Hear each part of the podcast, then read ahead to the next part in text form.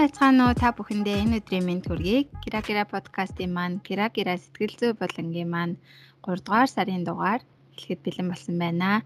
За тэгээ мөнх гэрэлтэйгээ хамт энэ хоёр хандлагын талаар хөндөж ярилцахаар шийдсэн байгаа. За энэ өдрийн мэнд хүргэе мөнх гэрлээ. Сайн уу, орой мэнд хүргэе. За ойрт ажилд үр сайн уу? Наагур монголоор маань вирус ханаа том уу гэд асуудал ер нь хэр байна? Ойрт ажил төрөл гайгүй байна. Ер нь бол вирус инээдрэгээд асуудлууд бас их байна. Цагаан сарын хөл хөдөлгөөн багтай. Тэгээд нам жимхэн ерөнхийдөө гэр гэртээ цагаан сараа тэмдэглээд тэгээд айлсгүйгээр ер нь цомхон байдлаар тэмдэглэж өнгөрүүлсэн. Тэгэхээр ер нь Монголд бол хөл хөдөлгөөн ерөнхийдөө багтай, сургууль цэцэрлэг амарчсан учраас хүүхдүүд маань гэр орондоо тэгээд телевизээр хичээлээ үзэл нэг тиймэрхүү сонирхолтой байдлаар л сүүлийн нэг 1 2 сар өнгөрч байна.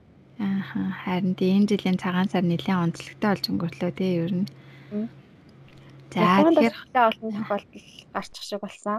Наагуурчнаас харин тийм Японд бас нэлээд ер нь тоон нэмэгдээд л ер нь дор бүрнээ жоохон айцтай л байна. Сургуулиуд албан газрууд бол мэдээж ажиллаа хийгээд карантинлахгүй бүх газар ажиллаж байгаа. Тэгээ сургууль тоон нэмэгдээд исэн боловч нөгөө усан онгоцон дээр исэн хүмүүсээс шалтгаалаад энгийн нь тоо нь бас тийм ч айхтар их өсөөгүй байгаа гэсэн шалтгаанаар сургуулийн дээр амархгүй байжгаад саяхнаас л энэ 7 хоногоос шийдвэр гараад сургуулиуд карантинлаад тэгээд ер нь нэлээд хөл хорионч гэсэн чангараал ирж явах шиг байна. Ер нь таа нас нэлээд нэмэгдээл жоохон айцтай л Японч энэ дээрээс нь нөгөө метрогоор ийш тийшээ байнга ашиглаж явдаг айгүй олноороо нэг газар бөөгнөрч явдаг учраас айгүй нөгөө өвчин тархах юу нь айгу өндөртэй эрсдэл нь айгу өндөр байгаа л гэж үзээд байгаа юм билэ. Тэг ямар ч байсан доор бүрний хувийнхаа ариун цэврийг сахиал гар хөрөө сайн угаагаал маска зүгээл ямар ч өөрчлөлт сэргийлэх арга хэмжээнүүдээ сайн аваад л байгаа яваад байгаа. Тэгэхээр хувь хүн болгоны хариуцлага тухайн хүний хувийн ариун цэврээ сахих байдал гэдэг зүйл бол одоогийн яг энэ нөхцөл дэлхийн нийтээр анхаарах асуудал болоод ирсэн баах. Тэгээд энэ дээр ч гэсэн манай монголчууд маш сайн хариуцлагатай байгаа гэж саяны цагаан сараар харагдсан. Цонхороо харахад л ерөөсөө шинийн 1 2-ны өдөр амар бужигнсан хөл хөдөлгөөн байдаг гэсэн бол энэ жил ерөөсөө дээл өмсөд гадуур гарч байгаа хүн ерөөсөө харагдаагүй. Тэгэхээр би бас хувьдаас маш их баярлсан хүмүүс манаас юмыг хүлээж авах байдлаараа өөр болчихсон юм байна. Дээрээс нь эрүүл мэндэд анхаарах ийм том асуудал гарчихсан учраас бас хувь хүн болгон хичээх хэрэгтэй гэдгийг маш сайн ухамсарласан байна гэж би бас бодоод байгаа.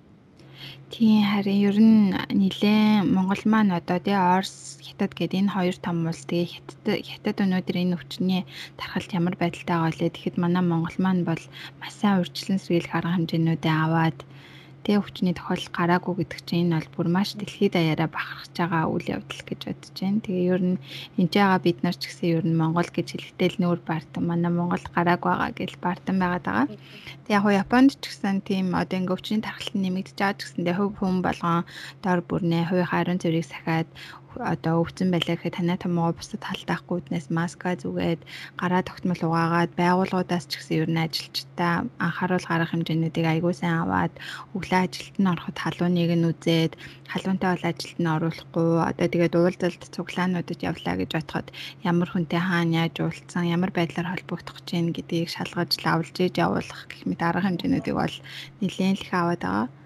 Аа Тийм тэгэхээр ямар ч байсан сонсож байгаа бүх хүмүүстээ ч гэсэн энэ одоо тий урьдчилан сэргийлэхийн арга хэмжээгээ одоо өөрөө өөртөө хамгаалахын хандлагаа битгий өөрчлөөрэй гэж ямар ч байсан уриалж байна. Яг зөв. Тэрнээс гадна нөгөө нэг сэтгэл зүйгээрээ бас бити өвдөөрөө эхэлж нөгөө нэг хүн чинь сэтгэлийн амтан гэдэг штеп.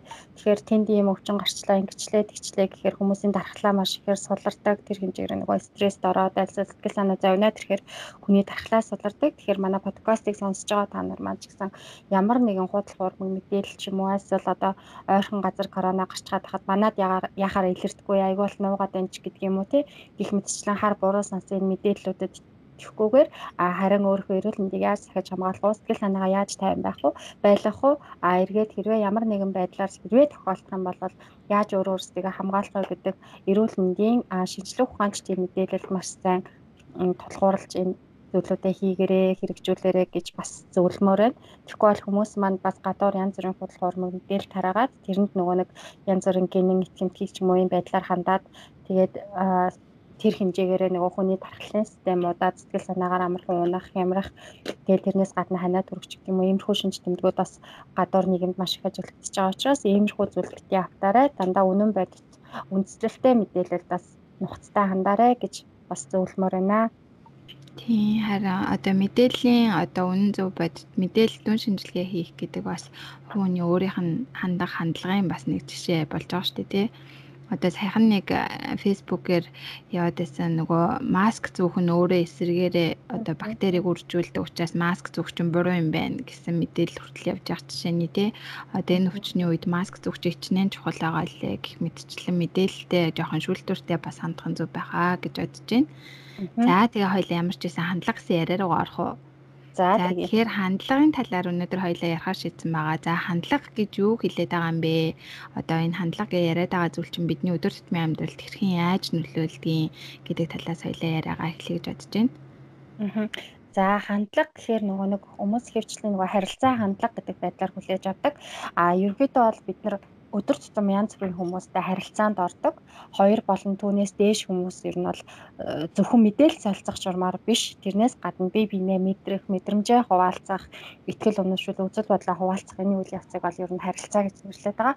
Энэ харилцаан дээр гарч байгаа одоо тэр мэдрэмж, мэдээлэлээ хуваалцах энэ үйл явцын одоо нэг талаас нь харах юм бол ямар хандлагаар илэрч байгаа вэ гэдгээс шалтгаалаад цаашаа урт удаан үргэлжлэх харилцаа юу альсэл богино хугацаанд үргэлжлэх харилцаа юу амжилттай болох уу амжилтгүй болох уу гэдэг зүйлүүд маань харилцаан дээр гарч байгаа хандлагаас шалтгаалдаг гэж хэлж болно.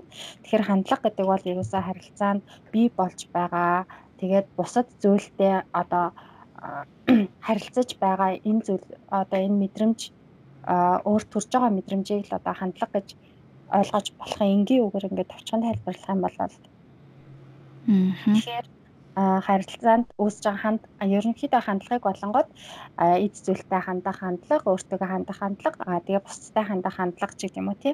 Ийм байдлаар бас ингээд цаашаа дэлгэрүүлээд авч явж үзэж болно. Аа.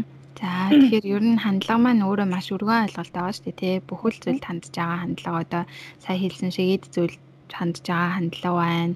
Одоо хүмүүстэй харьцах харилцаандаа хандж байгаа хандлага байна. Ажилдаа хандах хандлага, нийгэмд хандах хандлага гэд маш өргөн ойлголт авах гэж бодож байна л да. Тэгэхээр ер нь хандлагын талаар ярихаар хүмүүс нэг ийм яриа гаргаад идэв штэ нөгөө одоо эерэг хандлага, сөрөг хандлага ч юм уу те энэ зөв хандлагатай байна. Эсвэл энэ буруу хандлагатай байна ч юм уу. Одоо хандлагыг яг тэгж ангилаад идэг. За тэгэхээр зөв хандлага, буруу хандлага гэж яг ямар хандлагыг хэлээд байгаа юм? Яг юу юу юун дээр тулгуурлаж тийм дүгнэлт гаргаад байгаа вэ гэдэг тал дээр. Аа.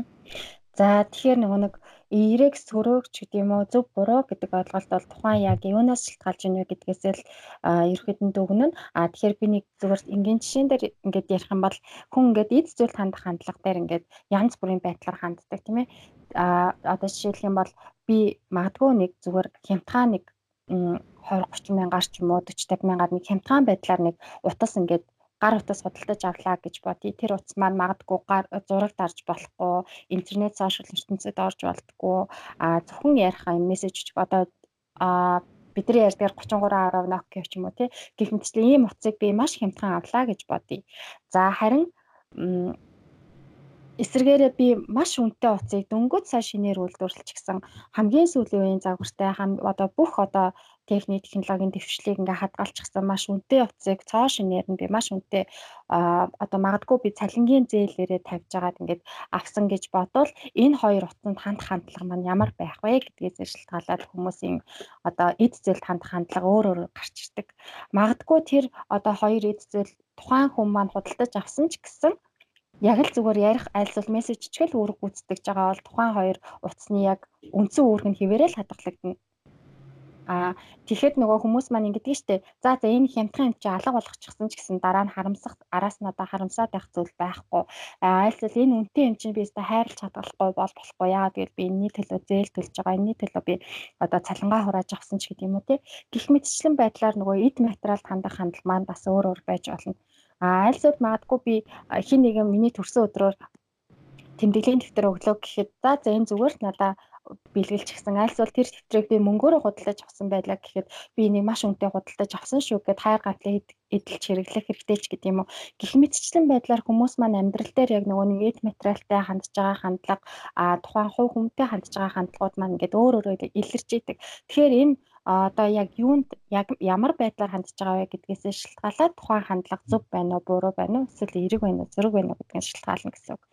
За магадгүй би найз одоо өөр хүн бусад хүнтэй хандах хандлагын талаар ингээд авч үзэх юм бол манай найзуудаа ингээд халуураад өвчтэй байна гэвэл би одоо яаж тухайн хүнд туслах уу аль зүйл туслахгүй байх уу ч гэдэг юм уу завтай байсан ч гэсэн очихгүй байж байвал энэ маань хандлага маань сөрөг хандлага байж болно тийм ээ тухайн хүнд хандах хандлага маань а харин завгүй ч гэсэн гүгээд очиж ийна гэдэг чинь бас эерэг хандлага ч юм уу гих мэтчлэнгээр тухайн нөхцөл байдалд одоо мотивац яаж одоо өөрчлөгдөж байгаа гэдгээс шалтгаалаад тухайн эд зүйл аль зүйл тухайн хүнд аль зүйл өөртөө хандлах хандлагууд маань эерэг болон сөргөөр гэлэрч идэг гэсэн. Гэхдээ сөрөг болгон муу аль зүйл эерэг болгон сайн ч гэдэг юм уу тийм зүйл бас өрөөсгөл нэгтлийг барьсан ойлголттой байж болно л тоо. Аа. За тэгэхээр ерөнхийдөө буруу хандлага гэдэг хүн өөрөө өөрийнхөө гаргаж байгаа хандлага дээр өөрөө дүгнэлт хийж иж буруу хандлага гэдэг нь илэрхүү эсвэл бусдын дүгнэлтээр илэрхүү. Аа. За буруу сөрөг хандлага гингууд мэдээж нөгөө бусад хүн ч гэсэн одоо хүн өөрөө өөртөө тавих дүгнэлт а бусад хүмүүс өөрт нь тавих дүгнэлт хоёр хэрвээ нийлэх юм бодвол нэг чиг рүү байх юм бол тэр маань ерөнхийдөө нэг дүгнэлтэнд хүрэхэд бол эерэг альсал сураг гэдэг нэг дүгнэлтэнд хүрч ин гэдэг маань дүгнэлт маань зөв байна гэсэн үг. А харин зарим тохиолдолд хүмүүс өөрөө өөрийгөө өмгөөлөх хамгаалах шиг хандлага байдаг шүү дээ. Өөрөө ингээд сөрөг хандлага гаргаад байгааг нь бусад хүн хэлэхэд тэрийг нь хүлээж авахгүй байдал ажиглагддаг тий. Чи одоо ингэж хандаад байна. Хүмүүстэй харилцахдаа ч гэдэг юм уу альсал ямар нэгэн зүйлд хандахдаа одоо буруу ханд чинь гэдэг талаас нь ингээд тайлбарлаад хэлэнгүүт үгүй би ийм учраас гэдэг байдлаар өөрийгөө хамгаалсан байдал ингээд илэрхийлж магадгүй. Тэгвэл энэ маань одоо нөгөө харилцааны явцад юм саад бэрхшээл үүсэх бас нэгэн хэлбэр болж өгдөг. Тэгэхээр хандлага гэдэг маань ерөөсөө ямар нэгэн зүйлтэй харилцаанд орж байгаа энэ үйл явцын мэдрэмжээр илэрхийлэгдэж байгаа зүйл гэж төгөн хэлсэн шүү дээ. Тэгэхээр сөрөг хандлага, эерэг хандлага гэдгийг хэрвээ дүгнэх шаардлага гарах юм бол өөрөө өөртөө болон бусдад бусад хүн хөндлөнгөөс бас дүгнэх юм боломжтой. Тэгээд энийгээ хэрхэн зөв яаж дүгнж ийнө гэдгээс шалтгаалаад дүгнэлт маань яг ямар байна вэ? Үнэхээр зөв байж чадчихэв үү гэдгээс шалтгаалаад өөр өөр байх болов. Аа. За тэгэхээр хандлага маань одоо буруу ч юм уу? Сөрөг үр дагавартай одоо тэрийг өөрөө мэдгүй яваад байх ч юм уу те? Саяны жишээлбэл бол одоо аа тийм хандлага гаргаагүй ч юм уу? Эсвэл тэрийг өөрөө мэдгүй явж байгаагаасаа болоод одоо сөрөг хандлага гаргаад яваад байх нь одоо эргэн тойронд нь ч юм уу те? Нийгэмд нь ч юм уу? Тэрийг хүрээлж байгаа одоо хувь хүмүүст хэрхэн яаж нөлөөлөх үү одоо энэ хувь хүний хандлага гэдэг байгаа зүйл хүний зан арин шин зан төлөвшөлтэй ер нь холбоотой байдгүй. Аа. За мэдээч нийгэмд бол хэрвээ үнэхээр тэр гун тухайн хүн одоо бусдад харилцахдаа альцвал нийгмийн харилцаанд орохдоо ажил хөдөлмөр эрхлэхдээ эсвэл ямар нэгэн эд материал эд хогшил хувийн одоо зүйлтэйгээ харилцахдаа ингэж ямар нэгэн байдлаар сөрөг бусдад төвөг утсан альцвал сөрөг үр дагаврыг бий болгосон ийм хандлага хандлагатай байвал энэ маань мэдээж бүхэл зүйл сөргөөр нөлөөлнө. Э, одоо хамгийн наад зах нь гэхэд хажууд нь байгаа эргэн тойрны хүмүүст гэхэд л маш их стресст оруулах, бухимдуулах ч гэдэг юм уу те гэх мэтчлэн байдлаар сөрөг үр дагавруудыг бий болгодог. Ядчил хамтраж одоо багаар хамтран ажиллахад хүртэл саад бэрхшээл учрах ч гэдэг юм уу. Альсвал тухайн хүнтэй харилцаанд ороход ч гэсэн маш их асуудал үүсгэх ч гэдэг юм уу те буруу ойлголт төрүүлэх гэдэг юм уу. Гэх мэтчлэн байдлаар мэдээж харилцааны явцад бол саадууд бол олон тулгарсан. А дараагийн асуулт нь болохоор зан төлөвшөлтэй холбоотой юу гэж асуусан тийм ээ. Аа тэгэхээр нөгөө нэг мэдээж харилцаа гэдэг зүйл бол тухайн хүний одоо зүүн совин мэдрэмжээс гадна тухайн хүний хөгжил төлөвшөл гэдэг зүйлээр бас илэрхийлэгдчиедэг нэг илэрхийллийн нэг хэлбэр шүү дээ. Тэгэхээр энэ мэдээж тухайн хүний төлөвшөл гэдэг зүйлээс бол тодорхой хэмжээгээр хамаардаг. Аа харилцаа одоо хандлага гэдэг зүйл маань ерөнхий утгаараа болгоод ерөнхий утгаар нь дандаа л ер нь харилцаа гэдэг зүйлтэй хамт авч бид нар ярьдаг штэ харилцаа хандлага гэж ярьдаг. За тэгэхээр харилцаа ер нь одоо эерэг сөрөг гэж түрүү ярьсантай адилхан харилцаа хандлага ингэж үүсч бий болж хахад зарим нэгэн байдлаар харилцаанд саад үүсч идэг байна штэ. Одоо нэг тухайн харилцаа нэг удаа уулзаал тэр хоёр хүн одоо дахиж уулзахгүйгээр ингэж өндөрлж гин гэдэг маань тухайн харилцаа амжилтгүй болж байгааг бас нэг хэлбэр байж болно тийм ээ. Тэгэхээр энэ нөгөө нэг харилцаанд үсэж байгаа саад бэрхшээл юу юу байд юм бэ гэхээр ер нөгөө бидний харилцаа зөвхөн нөгөө нэг аман болон үгэн яриагаар хэмжигдээд аман үгэн харилцаа юу яриагаар ингэж илэрхийлэгддэггүй юм байна л да. Тэгэхээр нөгөө нэг харилцаанд ороход бидний биеийн хилэмж буюу body language гэж ярьдаг тийм ээ. Тэр хилэмжээрээ болохоор бид нэр 60 одоо 50-аас 60% харилцааг илэрхийлж яд юм байна. Бид нар өөрийгөө илэрхийлэхдээ. А харин зөвхөн үг яриагаараа бид нэр 40-аас 50% одоо илэрхийлэмжээ илэрхийлж чаддсан юм байна л та. Тэгэхээр нөгөө нэг биеийн хилэмж гэдэг зүйл маань юу гэдэг юм бэ гэхээр нөгөө нүдний харц, дуу хоолойны өнгө аяс, гар хөлийн хөдөлгөөн тэгэл гих мэтчлэн энэ зүйлүүд ордог тийм ээ. Тэгэхээр энэ зөвлөдүүдийг хэрхэн яаж илэрхийлж ийнвэ гэдгээс шалтгаалаад тухайн хүний харилцаанд тусч хандлага нь ямар байна гэдгийг бас илэрхийлэгдэж харагдах нь шүү дээ. Одоо жишээлх юм бол чи надад ууралчихсан юм уу гэл магадгүй нэг хоёр найз би бинээсээ асуулаа гэж бодоход би уурлаагүй гэсэн хэрнээсээ дуу хоолойных нь өнгө аяс маш хатуу ширүүн нүднийх нь харц жоохон одоо ууртай шинжтэй байх юм бол хэдий амаараа би уурлаагүй гэж хэлсэн ч гэсэн тэр тухайн хүний нүдний харц биеийн хөдөлгөөнийг нь хараад тухайн хүн найз нь ууралчихсан байна гэдгийг мэдэх боломжтой тий. Тэгэхээр харилцаан дээр хандлагаа яаж илэрхийлж гинөө гэдэг нь биеийн хилэмж үг ярианы одоо сонголт гэдэг зүйлүүдээс бас их шалтгаалдаг гэсэн үг. Аа бас маш сонирхолтой. Зөвхөн одоо тий яриагаар биш маш олон байдлаар хүний хандлага илэрхин байна гэсэн хэлбэр энэ тий. За тэгэхээр эрэгтэй хүмүүсийн юмд хандах хандлага, эмэгтэй хүмүүсийн юмд хандах хандлага ч юм уу те ямарваа нэг зүйлд хандж байгаа хандлагаар нь хүйсийн ялгаагаар энэ хандлага өөр өөр байдлаар илрэх тохиолдол байх уу? За магадгүй яг харилцаа хандлаган дээр бол бүр яг хүйсээр нь гэсэн юмыг бол би одоохондоо бол сайн мэдэхгүй байна л да. Гэхдээ ерөнхийд нь эрэгтэй эмэгтэй хүмүүсийн ямар нэгэн зүйлд хандах хандлага маань бол мэдээж нөгөө нэг одоо сэтгэл зүйн хувьд бас өөр өөрөөр илэрдэг гэсэн судалгаанууд байт юм бэлээ. Одоо жишээлх юм бол хамгийн энгийн жишээгээр ингээд дурдаад юм бол эмэгтэй хүн дэлгүүрт ороод маш олон замыг тоолд юм байна л та. Одоо ингээд лист гаргаад ингээд бичээд явсан ч гэсэн 10 зүйл бичээд явхад тэрийг ингээд нэг бүрчлэн ингээд лангуу болгоноор орж хараал тэгэл тухайн зүйлийнхаа одоо хадгалах хугацаа магадгүй орц найрлах тий хүүхдэд хэрэглэх үү хэрэглэхгүй юу ч гэдэг юм уу гэх мэтчлэн бүх зүйлийг ингээ хараад а үнтэй байна уу хямдхан байна уу шин төрөл ирж үү ч гэдэг юм уу деталь болгон дээр тэгэж ингэж бүх зүйлд ач холбогдол өгч ингэж ханддсан юм байна. Харин эрэгтэй хүмүүсийн хувьд олонгууд яг ихнэр нь магадгүй альсвал захиад явуулсан зүйлийг альсвал өөрөө ингээд авах шаардлагатай зүйлээ ингээд дэлгүүрлээ орж авах болохоор яг л нөгөө авдаг хідэн тоочны хідэн зүйлүүдээ аваад л шууд дэлгүүрээс гардаг. Ерөнхийдөө дэлгүүр хэсэг зам нь маш богинохон байдаг ч тийм үү те. Тэгэхээр энэ болохоор нөгөө эрэгтэй эмэгтэй хүмүүсийн нийтлэг илэрч байгаа нөгөө ямар нэгэн зүйл хандах хандлага ч гэдэг юм уу. Тэгэхээр эндээс ямар нэгэн дүгнэлтөнд хүрэх вэ гэхээр а эмэгтэй хүн бол нөгөө нэг үйл явц детальчилсан нэг бүрчлэн юмд ингэж хандах хандлага нь одоо нэг бүрчлэн ингээд деталь болгон дээр аяух анхаардаг үйл явц болгон дээр ингээ анхаардаг байх нь л тий. Одоо энэ тухайн зүйлийг яаж илүү сайн хийх үү, яах уу гэдэг дээр ингээ үйл явц дээр анхаардаг бол эрэгтэй хүн тухайн зорилгыг л биелүүлэхийн тулд маш хурдан дөц замаар зүгээр л ингээд яг үйл явц дээр нь биш үр дүн дээр нь илүү анхаардаг.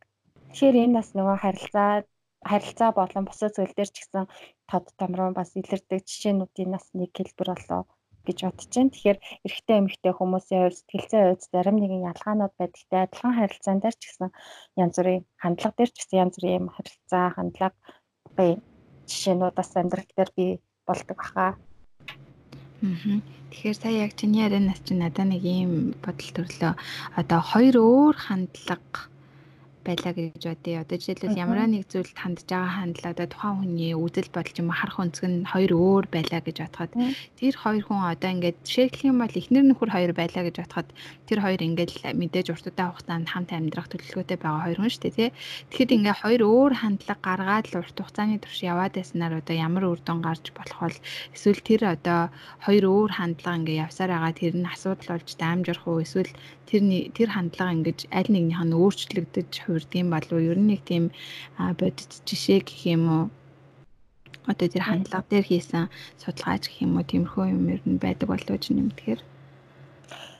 За яг эрэгтэй эмэгтэй хүмүүсийн нэг гэрт одоо хамт амьдарч байгаа эрэгтэй эмэгтэй хүмүүсийн хувьд эхнэр нөхөр хоёрын хувьд гэхэд яг юун дээрээс болоод яг юунаас болоод энэ тэр нөгөө нэг хандлага нь өөр гэж үзээд байгаа юм бэ? Тухайн зүйл нь яг юу юм? Тэгэхээр том асуудал альсвал харилцаан дээр юм уу? Альсвал одоо ямар нэгэн зүйлд одоо эд материалд хандах хандлага, үр хөвгттэй хандах хандлага юм уу? Хоёр биендээ хандах хандлагын талаар ярьж байгаа юм уу гэдгээс шалтгаалж магадгүй өөр өөр байх та. Тэгэхээр энэ дээр яг наривчлсан судалгаач гэдэг юм аа эсвэл яг эхнэр нөхөр хоёр ингээд энэ асуудлаас болоод цаашдаа ийм асуудал хүрсэн гэдэг одоо кейс гэдэг юм уу жишээ бол яг одоогор бол миний толгойд орж ирэх зүйл бол яг одоохондоо л байхгүй л та. Гэтэ мэдээч ямар нэгэн байдлаар саад бэрхшээл харилцаа хандлаад үүсэж байна гэдгээ хоёулаа мэдж байгаа бол а энийга ярилцах хэрэгтэй.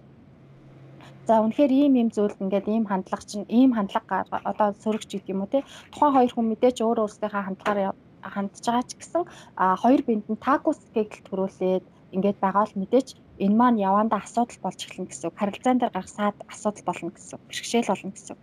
Тэгэхээр энэ асуудлаа одоо хоёлаа яг яаж засаж сайжруулж болох уу?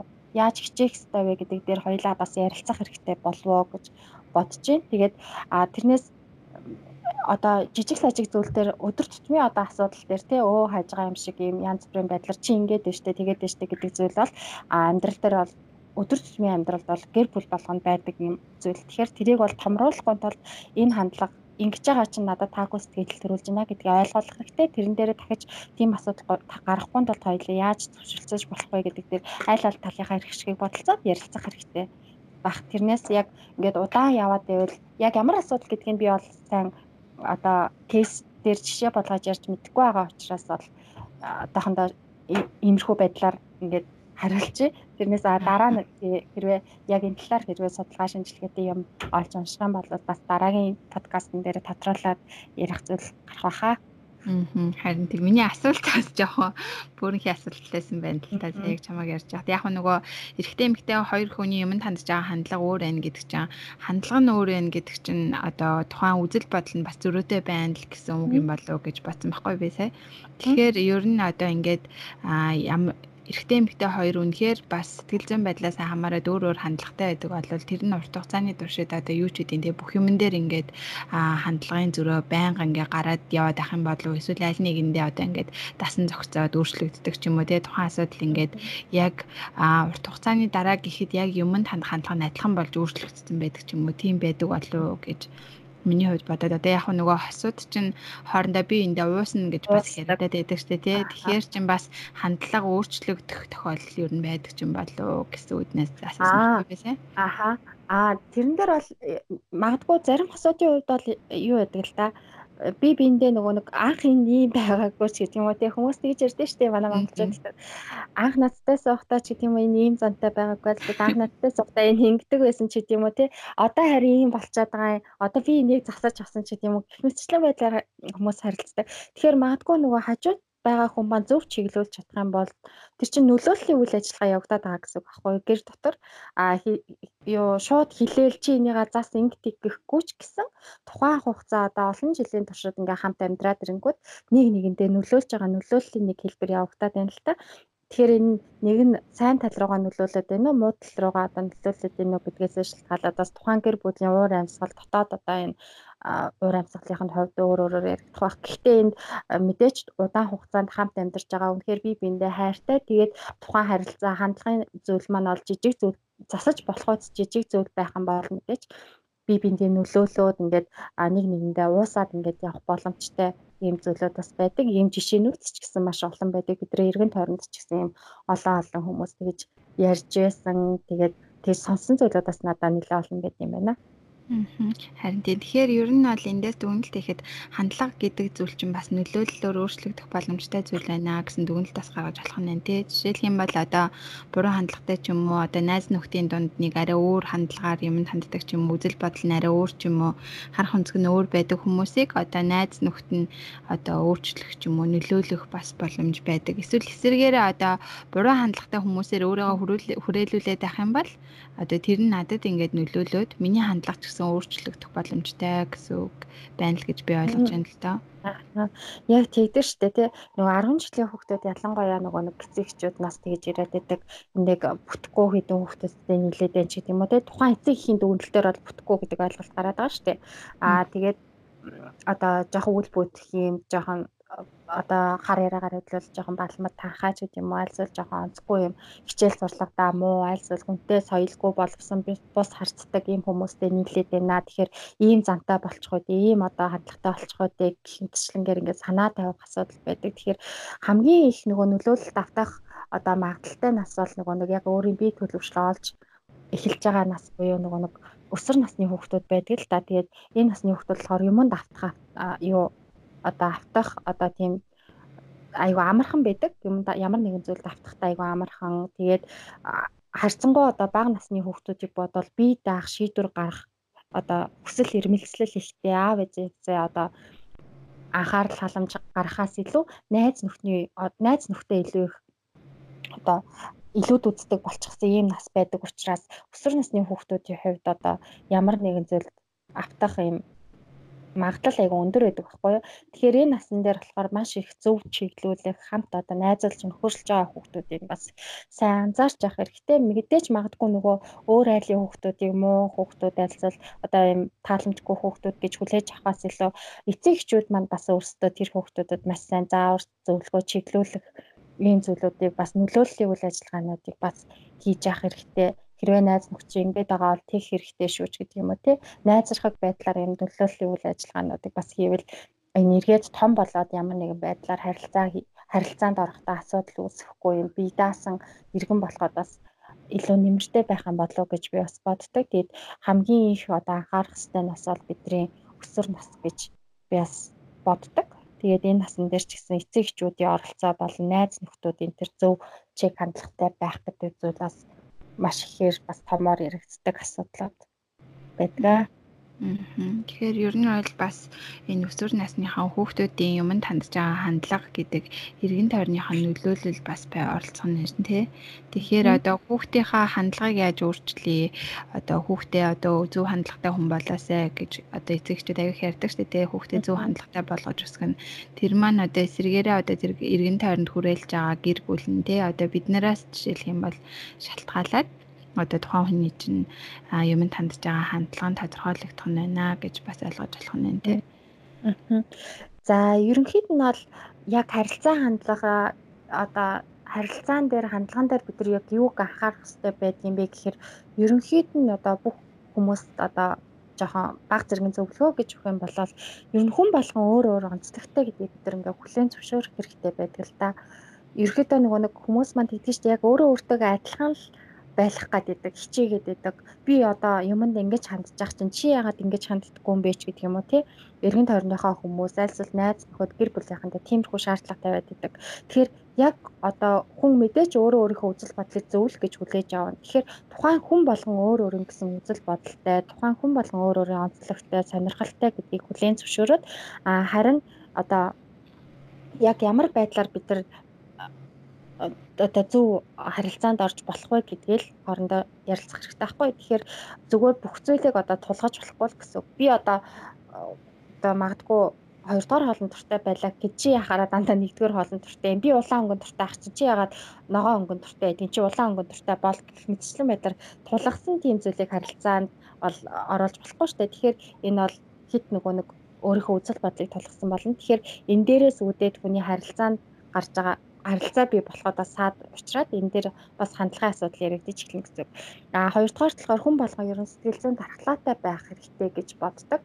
А сэтгэл зүйн дархлаа гэдэг маань ер нь ерөнхийдөө болохоор нөгөө хүмүүсээс би ингэж асуудаг байхгүй юу? Чи ингээд витамин хэрэглэдэг үү гэж асуудаг байхгүй юу? Бие организмда хэрэгтэй шаардлагатай витамин хэрэглэдэг үү гэд. Тэгэхээр хүмүүс мэдээч тийм гэж харуулдаг хавар боллоо, ядарлаа ч гэдэг юм уу. Тэгээд ямар нэгэн байдлаар биедээ хэрэгтэй би витамин хэрэгэлтэй гэд. За тэгвэл сэтгэлдээ витамин хэрэгэлдэг үү, сэтгэл зүйн витамин хэрэгэлдэг үү гэж хэлсэн гот тэр чинь юу байдгийг ингэж асуудаг байхгүй юу? Тэгэхээр нөгөө бие организмд ч гэсэн дархлаа хэрэгтэй байдагтай адилхан хүний сэтгэл зүйд ч гэсэн дархлаа хэрэгтэй байдаг. А энэ дархлааг бид нар яаж тогтоох вэ гэхээр а бид нар сэтгэл зүйн витаминыг бие биендээ хэрэглэх хэрэгтэй, өөрөө өөртөө хэрэглэх хэрэгтэй гэж зөвлөдөг. Тэгээд энэ сэтгэл зүйн витамин нь болохоор бие биендээ урмын үг хэлдэг байх, а бие биенээ хайрлах, халамжлах, одоо санаа тавих ч гэх мэтчтэн энэ сэтгэл санаагаар дэмжиж болох юм зүйлүүдийг бид нэр сэтгэлийн витамин гэж нэрлэдэг байгаа. Хэрвээ та харилцаанд орохдоо хандлага одоо харилцаанд ороход ямар нэгэн саад бэрхшээл тулгархад тэрэнд амархан бууж өгөхгүй байхын тулд маш сайн сэтгэл зүйн дархлаатай байх хэрэгтэй. Ингийн тулд та таныг ойлгодог найз нөхдийн хүрээлэлцэл тантай ингээ ярилцдаг, ярилцах боломжтой ийм хүмүүсийн хүрээллийг бас бий болгох хэрэгтэй гэж бас хүмүүс зөвлөдөг. Аа тэгээд мэдээж харилцаа хандлагын талаар ярихад бол сонсох чадвар гэдэг зүйл бас бас номер 1-т тавигддаг зүйл байгаа. Тэгээ ямар нэгэн зүйлийг аа ярихаасаа өмнө боддог, үйлдэхээсээ өмнө бас боддог байжгаад тэгээд а тухайн одоо харилцагчийнхаа ярьж байгаа зүйлийг маш сайн төвчээртэй сонсож чаддаг байх хэрэгтэй. Ингэхийн бодвол энэ одоо харилцаанд үүсэж байгаа хандлага гэдэг зүйл маань бас зөв явагдах зөв одоо эерэг тал руугаа болох боломжтой гэж үздэг. Мэдээж энээс гадна маш олон анхаарах ч гэдэг юм аа эсвэл хичээх ёстой зүйлүүд гэж харилцаан дээр бас байгаа л та. Тэгээ хамгийн энгийн наацхын зүйлүүд гэх юм бол эдгээр зүйлүүдийг бас хүмүүст маш их зөвлөдөг зүйлүүд байгаа. Аа. За тэгэхээр ерөнхийдөө залуучууд хүмүүсийн дунд ч гэлтгүй ер нь хүмүүсийн дунд нэг ийм хандлага бас байгаад байдаг шүү дээ. Одоо ямар нэг үйл ажиллагаа ч юм уу те ямар нэгэн нийтийг хамарсан юм боллоо гэж бодоход за надаас бусд нь болцгол хийчихлээ илгүү дээ ч юм уу те одоо би байсан байгаагүй болцгол илгүү дээ одоо заавал миний хэрэг байхгүй ч юм уу. Одоо жишээлх юм бол сонгуулаллаа гэж бодоход за ганцхан миний санал хэрэггүй л үүдээ ч юм уу. Одоо нэг ерөнхийдөө нэг нийтийг хамарсан юмд нэг хоошоо суух байдалтай хандлага ажиглагддаг штэ тий. А одоо тэгэхээр чин нийгмийн хэмжээнд одоо энэ хандлагыг тодорхойлох одоо нийгэмд нөлөөлөх энэ хандлагыг ер нь ямар байдлаар дүгнэгч гэх юм уу? Одоо хувь хүн бүр ямар байдлаар хандж иж одоо нийгмийн хандлага гэдэг зүйл өөрчлөгдөх үү Аха. Энэ нөгөө нийгмийн хандлага нийгмийг өөрөө угаасаа нөгөө хүн бүрдүүлж байгаа шүү дээ. Тэгэхээр хувь хүн болгоны ухамсар хандлагын асуудал гэдэг бол хувь хүн болгонд л одоо өөрсдөө хичээх хэрэгтэй, өөрсдөө ухамсарлах хэрэгтэй. Магадгүй нөгөө сонгуул олонгод залуу үеийн хүмүүс чинь болохоор за за биднээс биднээр ямар нэг сонгуулийн юу дутагч биштэй бус нь ингээд өгчөөд болох л илгүү гэдэг хэрнээгээсээ яг үр дүн гараад дүгнэлт хийгдээд үйл явц явагдаад тэгээд одоо өөрөө өөрсдийнхөө төлөө ямар нэгэн зүйл хийгээгүй хэрнээ а тэрнээс гарах үр дүнгийн болохоор маш ихээр нэхэд идэв шүү дээ. Одоо бол ерөнхийлөгчийн сонгуул боллоо гэж үзэхэд тухайн одоо сонгуульд оролцоогүй хэрнээгээсээ дараа нь өө энэ хүн гарчихсан юм уу энэ шал дэмий хүн штэ ч гэх юм аасаа би одоо энэ хүнийг мэдхгүй байна танихгүй байна яагаад энэ хүн юу ч хийхгүй байгаа гэх мэтчлэнгээр нөгөө хариу нэг их үйл ажиллагаа маш их явагддаг. Тэгэхээр энийг хүүхэн болгон ямар үр дүнтэй юунд одоо би цаг заваа зарцуулах хэвтэй Монгол Улсын иргэн хүнийхээ хувьд альсвал одоо гэр бүлийнхаа гишүүн хүний хувьд би яг ямар үүрэг хариуцлага хүлээх хэвтэй юм бэ гэдгээрт хувь хүн болгон ухамсарлах хэрэгтэй. Тэхийн тулд бид нар одоо нийгмийн янз бүрийн социологийн судалгаанууд явагдаад түүн дээр яг хідээс хэдэн насны хүмүүс одоо ийм итгэхгүй сул дорой байгаад байгаа, хідээс хэдэн насны хүмүүс ийм байгаад байгаа гэдэг ийм зүйлүүдийг гаргаад энэ дээр яаж ажиллах уу гэдэг дээр манай судлаачид ч юм уу тий нийгэмд одоо нөлөөлөл үүсгдэг тийм хүмүүс маань нөлөөллийн янз бүрийн үйл ажиллагаануудыг хийдэг баг. Тэдний нэг нь бол мэдээч сэтгэл зүйчүүд байдаг. Янз бүрийн сургалт тренинг альсвал уулзалт зохион байгуулж энэ нийгмийн одоо эерэг таатай ийм сэтгэлзэн орчныг бүрдүүлэхэд бас янз бүрийн аргаар ингээд хичээж байгаа хүмүүсийн хүмүүсээс маш олон байдгаа. Тэгэхээр энэ дээр нөгөө мэдээллийг яаж ямар байдлаар хүлээж авч байгаа вэ гэдгээсээ шалтгаалаад тухайн мэдээлэл маань хэрхэн үр дүнтэй хүрх вэ гэдгээсээ шалтгаалаад тухайн хүмүүсийн ухамсар тухайн хүмүүсийн одоо хандлага одоо өөр өөрөөс шалтгаалах. Тэгээд энэ дээр заавал залууч гэлтэхгүй ерөнхийдөө бас нөгөө тухайн хүний суур хүмүүжил төлөвшөл ямар нэгэн зүйлийг хүлээж авах чадвар гэдэг зүйл маш их чухал юм шиг санагддаг. Мянга эндээс нөгөө нэг эрэг сайн сайхан зүйл хилээд одоо ийм хандлагатай байх хэрэгтэй та нар ингэх хэрэгтэй амиа хичээж болохгүй ч гэдэг юм уу те баг хамт олонны ажиллагаанд ингэж хоошоо сууж болохгүй гэж мянга хилээд байхад тухайн хүний одоо өөрөө тэр зүйлийг хүлээж авах байдал одоо сөрөг байх юм бол Тэгэл тэр хичнээн цагийн сургалт лекцэлсэл хичнээн цагийн хуулаар нөлөөлөл ингээд ямар ч үр дүнгүй болно гэсэн. Тэгэхээр тухайн эргэн тойрных нь хүмүүсийг л маш сайн өөрчлөх хэрэгтэй л дээ. Тэгээд магадгүй 10 хүний дунд нэг л тийм уу хүн байхад а тэгэхээр 10 хүн ингээ бүгдээрээ хичээгээд дээрэс нь янз бүрийн байдлаар нөлөөлөл үйл ажиллагаа явуулахад магадгүй хэсэг хугацааны дараа тэр эерэг үр дүнгээ өгч гэсэн боломжтой зүйл.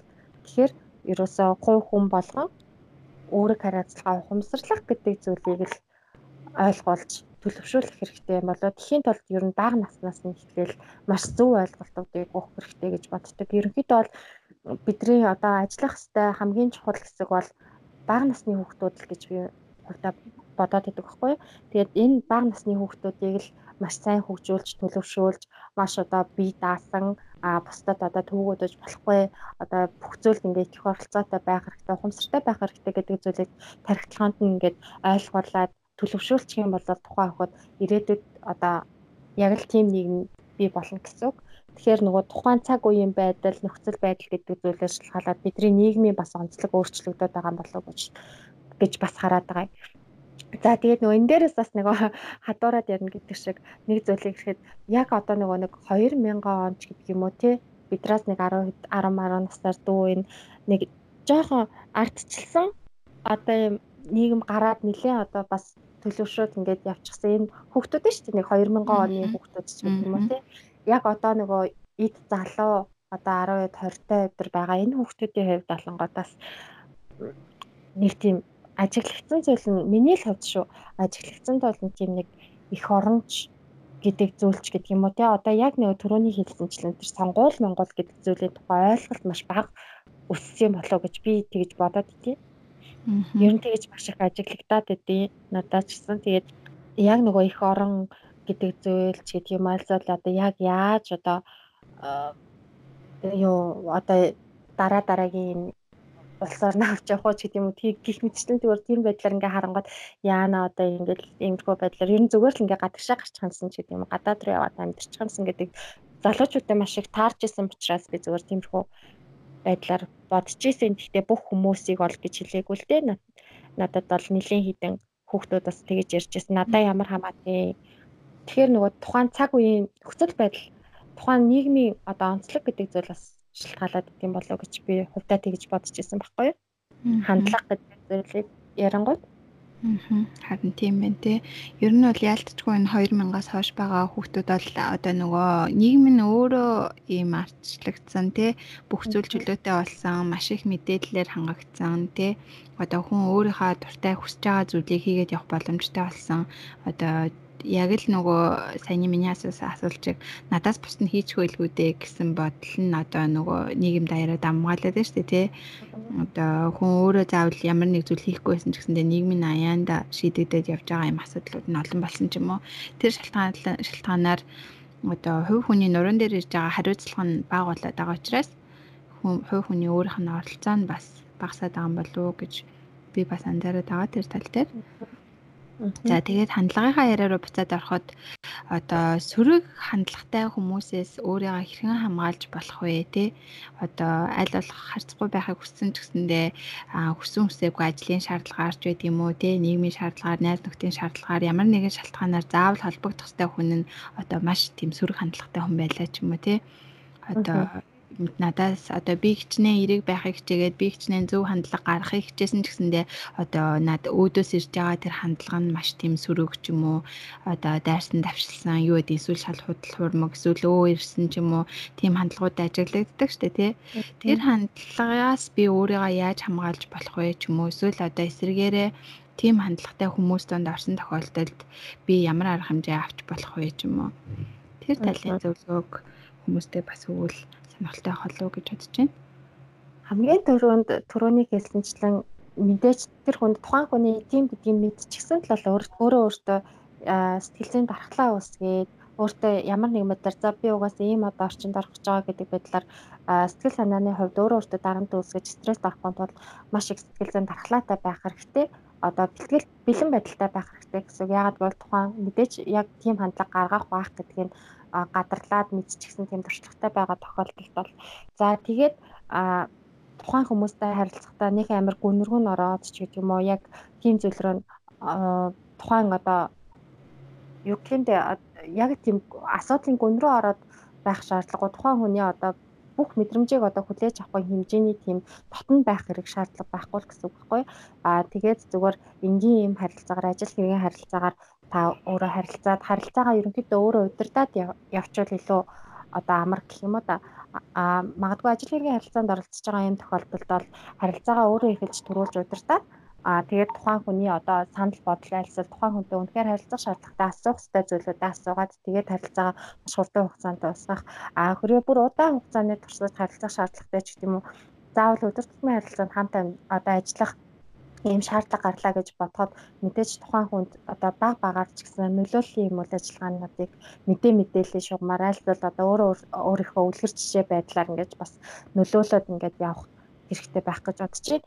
А тэгэхгүй бол тухайн хүнийг 100% өөрийг нь засан ч гэдэг юм айлзал тухайн хүнд одоо ингээл чи тэгэх хэвээр ингэх хэвээр гэх гинт хөндлөнгөөс ингээд бид нар нөлөөлөх тийм боломж авахгүй шүү дээ. Тэгэхээр өөрөө өөрийнхөө одоо байгаа байдлаар үг хэлэх яриагаар биеийн хилэмжээр тэгээ тухайн эргэн тойрны хүмүүсийн одоо хүч дэмжлэгээр ингээд тухайн хүний одоо юг арай одоо бүр ингэж асаж дайрч давчлаад өдр байдаг хүн байх юм бол мэдээж тиймэрхүү байдлаар бас оролдоод үзэх хэрэгтэй байхаа. Тэгээд янз бүрийн одоо хэрвээ нэг байгууллага хамт ажилладаг бол магадгүй янз бүрийн байдлаар тийм уур амьсгалыг сайжруулах, тэмцээн оролтаан ч гэдэг юм уу, баг болж хамтран ажиллах тийм янз бүрийн эерэг тийм уур амьсгал бүрдүүлэх тийм зүйлүүдийг зохион байгуулах гэдэг юм уу гэх мэтчлэн байдлаар оролдоод үзэх хэрэгтэй байх гэж зөвлөмөр байна.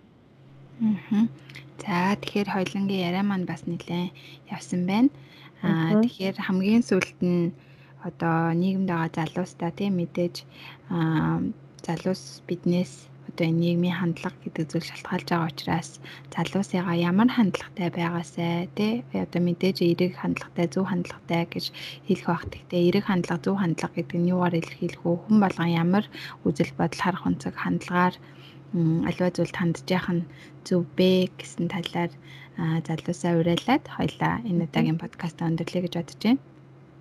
За За тэгэхээр ер нь залуус гэдэг юм уу манай подкастыг сонсож байгаа ер нь бүхэл хүмүүс маань ганцхан нөгөө би гэсэн амиа хичээсэн үзэлтэй байхад юм бол бид нар угаасаа хамтдаа оршин тогтнож чадахгүй. Нийгэм гэдэг маань ерөөсөө бүхэл хүмүүсийн нэгдэл байдаг учраас ерөөсөө бид хамт гэсэн одоо ийм үзэл бодолтой байж бүх зүйлээ. Одоо яг энэ коронавирустэй бид нар яаж тэмцэж байгаа бэлээ те?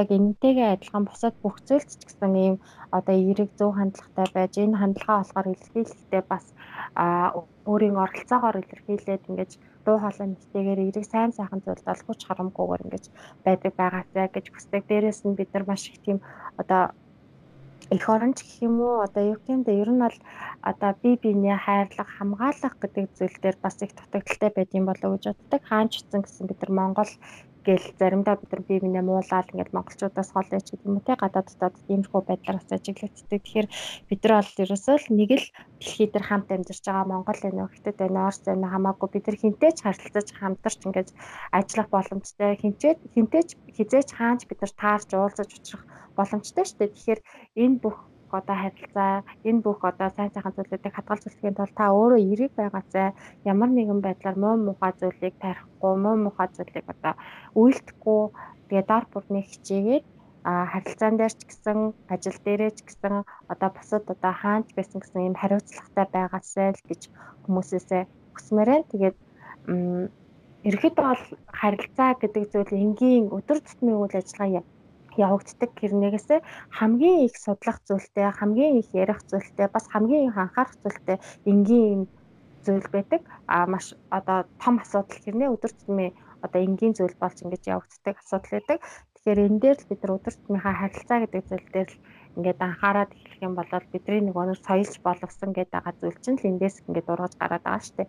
Боловсон соёлтой, соёлгүй гэдэг зүйл маань. Тэгэхээр энэ бүх асуудал дээр хувь хүн болгон л анхаараасай хувь хүн болгон бид гэдэг утгаараа би биш бид гэдэг байдлаар ингэж дор бүрний хариуцлагатай байж одоо бүх зүйл дээр хамтарч бүх зүйл дээр одоо эерэг юм организацыг бүрдүүлэхийн төлөө хичээж байж байгаа байгаасай л гэж хэлье та. За маш сайхан уриалга байна. Тэгэхээр миний зүгээс болохоор саяных дээрээс нэмээд за тэгээд өөрт байгаа зүйлдээ сэтгэл ханамжтай, талархалтай хандж байгаарэ гэж залуусайгаа бас уриалмаар байна. Аа. За тэгээ өнөөдөр сонирхолтой яриа өрнүүлсэн мөх гэрэлтэй баярлалаа. За тэгээ дараагийн дугаараараа уулзахолно. Тэгээд подкастыг маань сонсож байгаа хүмүүс маань бас дараагийн сэдвэр ямар сэдвийн талаар ярилцахыг хүсэж байна тэрийгээ бас сэтгэлээр комментоор үлдээгээрэй гэж хүсэх байна. За ярилцсанд баярлалаа. Тэгээд дараа дараагийн подкастаараа дахиад илүү сонирхолтой сэдвүүдээр сонирхолтой яриа өгнөл гэж итгэлтэй байна. За, за баяртай. Баяртай.